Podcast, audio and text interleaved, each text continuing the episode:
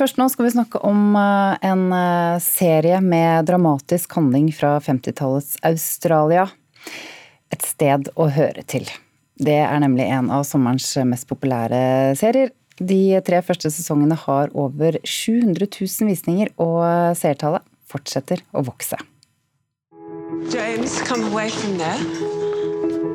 I wasn't doing anything. And come back. Sarah stopper James som vil hoppe over bord. Rett etterpå møter hun sin store kjærlighet. I love you.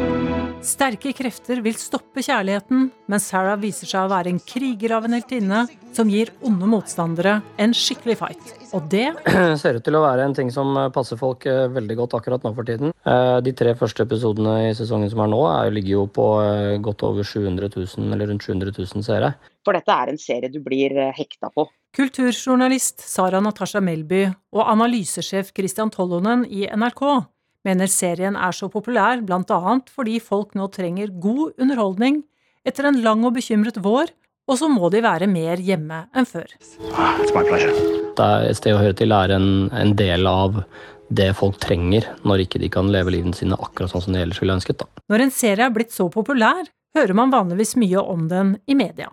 Men denne har gått litt under radaren, mener kulturjournalisten. Nei, Det er litt rart, men jeg tror kanskje det har litt å gjøre med at typiske serieomtaler de har ofte litt sånn annet syn på ting enn det de som faktisk bare ser på serier eh, har. Vi har jo knapt nok noen gang sett at medievanet har vært endret på denne måten over så lang tid da, som det er nå. Og Det har vi jo hatt et enormt behov for nå i de månedene som har gått.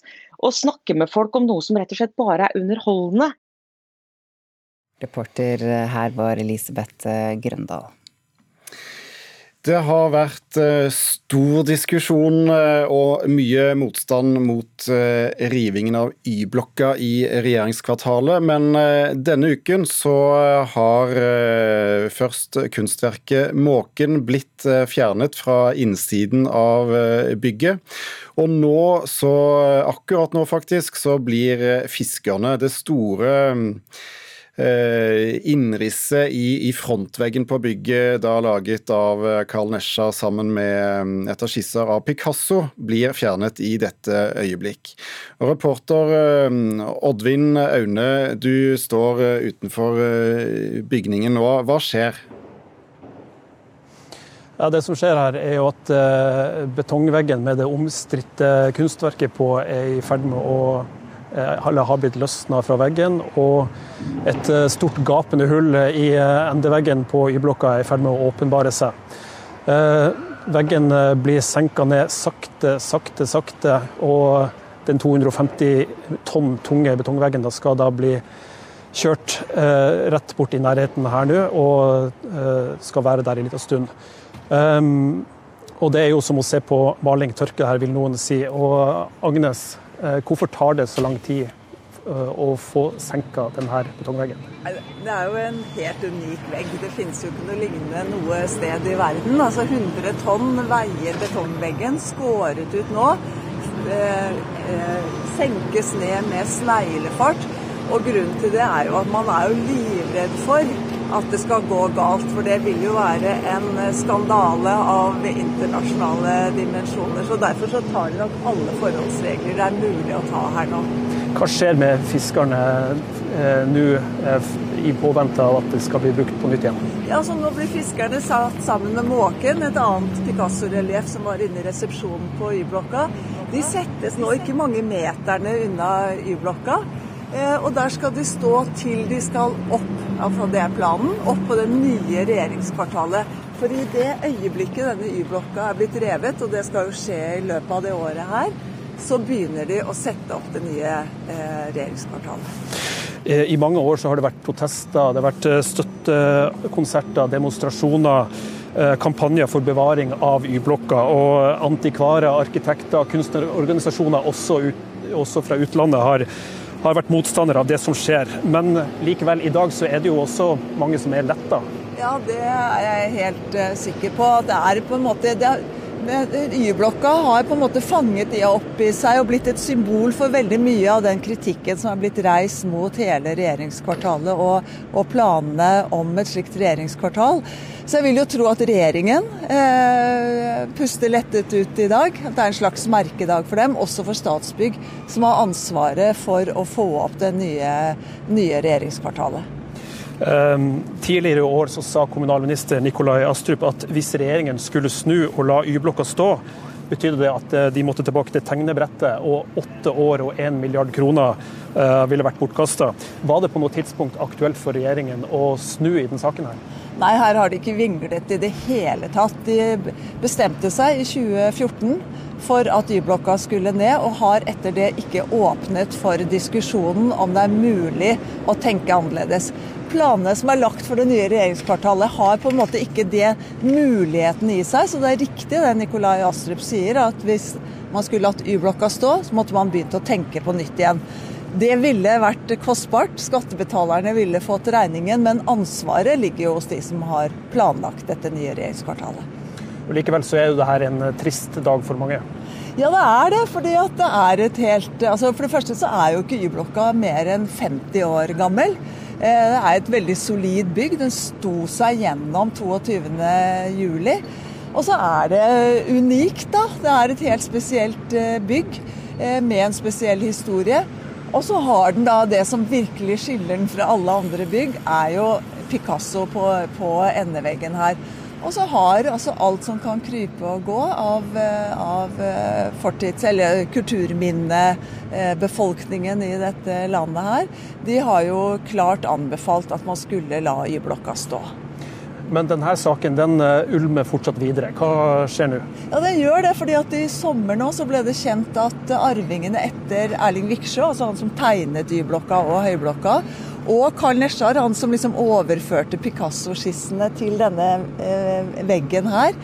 Eh, de har sagt at de kommer til å gå rettens vei for å stoppe og forby at disse relieffene kommer opp igjen på det nye regjeringskvartalet. Og det er ventet at, eh, det, at dette blir en konflikt som ender i rettssalene i 2021.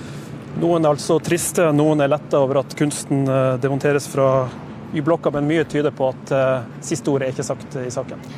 Takk skal du ha, reporter Oddvin Aune og kulturkommentator Agnes eh, Moxnes. Og Fiskerne er altså nå pakket inn i enorme røde stålbjelker og skåret løs fra selve Y-blokken. Det skal eh, settes eh, i regjeringskvartalet sånn at forbipasserende kan eh, se kunstverket mens det blir bygget nytt regjeringskvartal. Et historisk øyeblikk i Nyhetsmorgen denne morgenen.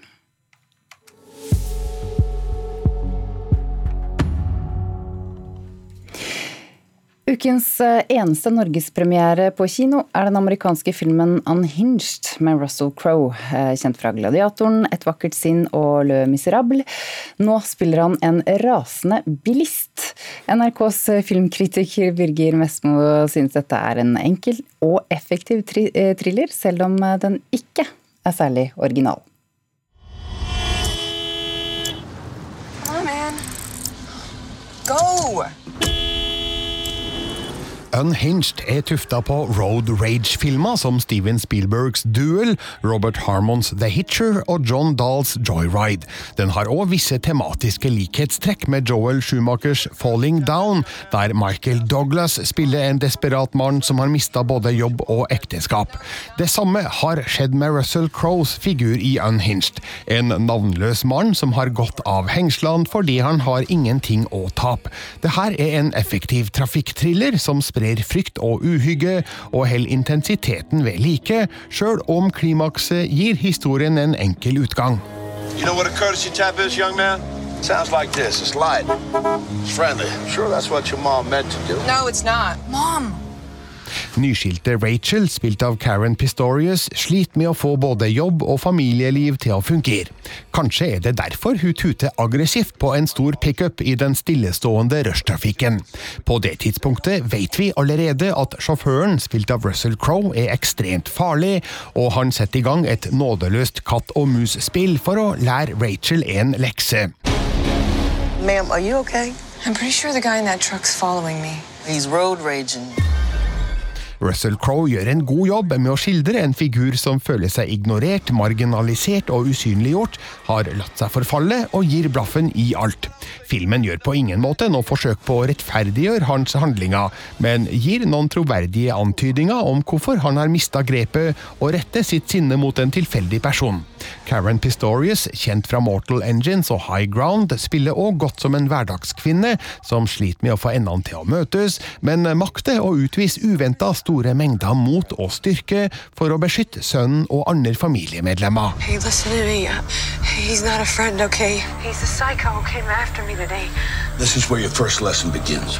Give me my phone. Den tyske regissøren Derrik Borte, kjent for Den perfekte familien, London Town og American Dreamer, har skapt en sjangerfilm som kanskje ikke overgår sine åpenbare inspirasjonskilder, men den bevarer spenninga gjennom det meste av handlinga. Det legges ut noen åpenbare oppspark til senere episoder som er veldig lett å spore.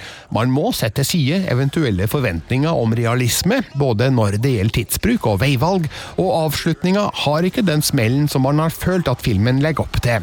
Unhinged er likevel en stort sett velgjort thriller som kommenterer sinne og aggresjon som ligger latent i vår samtid, og hvordan bruken av sosiale medier og digitale hjelpemidler gjør oss sårbare.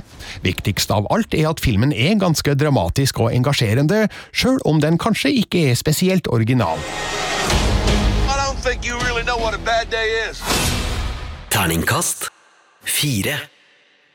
Unhinged ble anmeldt av Birger Vestmo og har altså norgespremiere på kino i morgen. Er det fredag? Fra film til eh, fotball nå. Dommeren sier han ble lurt av Ålesunds angriper Niklas eh, Castro da han ga Ålesund straffespark i gårsdagens eliteseriekamp mot Start. Etter straffen snudde Ålesund kampen og vant 3-2. Start-trener Joey Haraldsson var ikke fornøyd etter kampen og beskylder Ålesund-spilleren for juks. Så er det selvfølgelig trist at, at kampen skal avgjøres på, på filming, og, og istedenfor at det blir eh, andre gule kortet på Castro og, og, og, rødt kort. Det er ingenting å diskutere. Det er filming på, på høyt nivå. Og helt uforståelig at, at, kamp, at dommeren eh, går på den. Det er trist og leit å se at, at juks skal være med på å avgjøre kamper. Samtidig mener Niklas Castro sjøl at han ikke har gjort noe gale. Folk kan få mene at det ikke var det. Jeg føler at han, at han toucher meg. Det er ikke min Jeg prøver ikke, eller min intensjon om å, om å filme på noen som helst måte. Jeg, det går så fort, og jeg bare ser at han Apaidos sparker ballen idet jeg får et dårlig touch. Det er ingen soleklar straffe, men dommeren føler liksom at han mener det, og jeg får ikke gjort noe med det. Og dommer Ola Håber Nilsen sa dette etter kampen. Vi dømmer straffespark fordi vi opplever under kampen og er sikre på at det er kontakt mellom forsvarsspiller og angrepsspiller. Etter kampen så ser vi reprisen om igjen, og vi ser at her blir vi lurt av angrepsspilleren. Og her skulle det vært gult kort for usportslig opptreden, altså for filming. Og det hadde vært det andre gule kortet og rødt kort. Og således er det en nøkkelsituasjon vi bommer på i denne kampen her. Reporter var Odd Sindre Tonning.